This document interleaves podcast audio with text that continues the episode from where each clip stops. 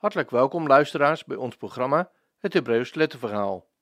Het Hebreeuws Letterverhaal, ons verhaal, is een programma dat wij maken in samenwerking met Studiehuis Rashid. In dit programma hebben we steeds een korte kennismaking met de Hebreeuwse taal. Het gaat niet om de taal op zich, niet om gegogel met letters en getallen, maar om de taal, met letterbetekenis en getalswaarde, als toegangstaal tot de Hebreeuwse Bijbel de schrift geworden stem van Israëls God. Vandaag aflevering 21. De vierde letter in de tweede letterserie is de mem, onze m, die het getal 40 vertegenwoordigt. Zo te zien is het een kaf met een vaf ervoor. Aan het slot van het woord is hij hoekig, volledig vierkant, een echte omtrekletter.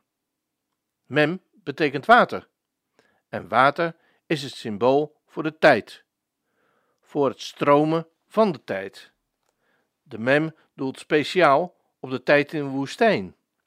Memtijd is wachttijd. Want wie zich laat wegroepen uit Egypte, moet niet denken dat hij meteen in het beloofde land is. Dat kan tijden duren. Tijd en tijden en een halve tijd.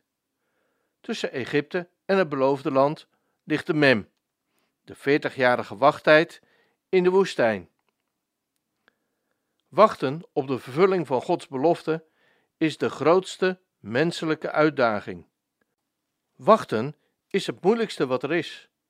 We worden al te gauw ongeduldig en verlangen dan net als Israël terug naar de vleespotten van Egypte. Om niet te moeten verliezen, moet de wachttijd worden geordend, besneden. Wie de tijd niet besnijdt, wie geen getijde, dat is een afgeneden stukje tijd, in acht neemt, wordt doelloos op den duur en verliest met de herinnering aan het verleden, de uittocht, ook de hoop op de toekomst, de intocht. Want door het structureren van de tijd, door de getijden, elke dag in de morgen en avond, elke week op de sabbat en tijdens de voor- en najaarsfeesten blijven de grote daden des Heren in gedachtenis. Bovendien is de woestijntijd de tijd om te leren luisteren naar de stem van Hem die ons wegriept en roept. De woestijntijd is bij uitstek zijn spreektijd. Juist in het hart van de woestijn, bij de Sinai, sprak God tot zijn hart en tot het hart van zijn volk. Er is een merkwaardige, diepgaande samenhang tussen Midbar, woestijn, en Mediber, spreken.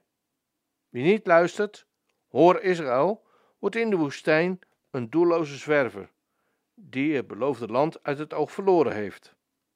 Alleen als we met Israël blijven horen naar Torah en profeten en de psalmzang gaande houden, blijven we gericht op de toekomst in het land van de belofte.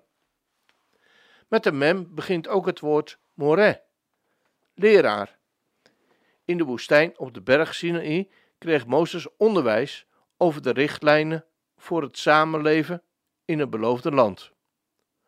God zelf was zijn leraar. Het woord moreh hangt samen met het werkwoord yara, werpen, schieten, richten, aanwijzen. Het is hiervan afgeleid het woord Torah, aanwijzing, onderwijzing, richtlijn. Deze unieke richtlijnen betreffen vooral de verhouding tussen God en de naaste. Maar daarbij is de relatie tot het beloofde land en alles wat men bezit ingegrepen.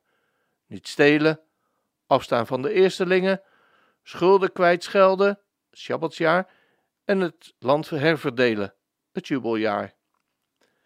Een onderwijzer die niet naar deze onderwijzing verwijst, is een, is een onwijzer, die zijn leerlingen onwijs houdt of maakt. Het gewone Hebreeuwse woord voor onderwijzen is limet, met de mem in het midden, dat de versterkte vorm is van lamat, leren, studeren. De letters van dit woord zijn betekenisvol.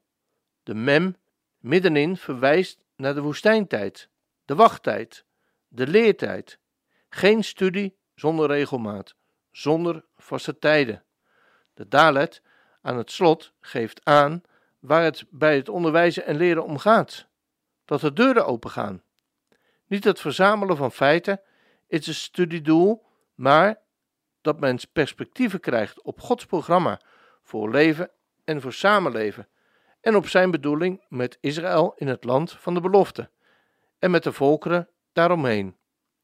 Ja, meer nog, dat men zelf door die deur gaat, binnengaat in het land waar Gods geboden gelden, ingaat in zijn koninkrijk.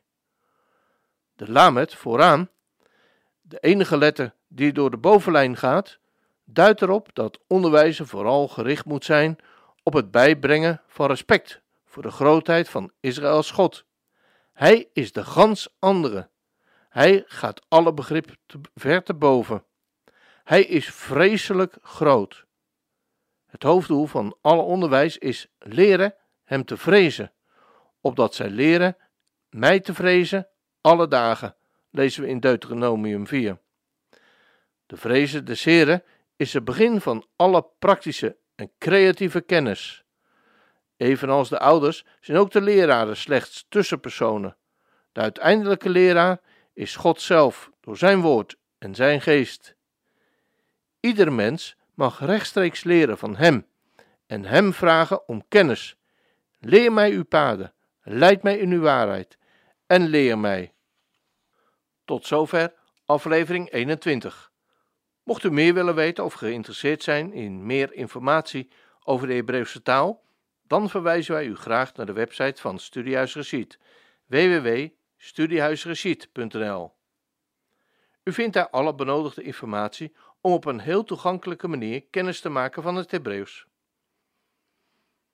Nieuwe afleveringen van dit programma vinden plaats op maandag, woensdag en vrijdagmiddag om 3 uur.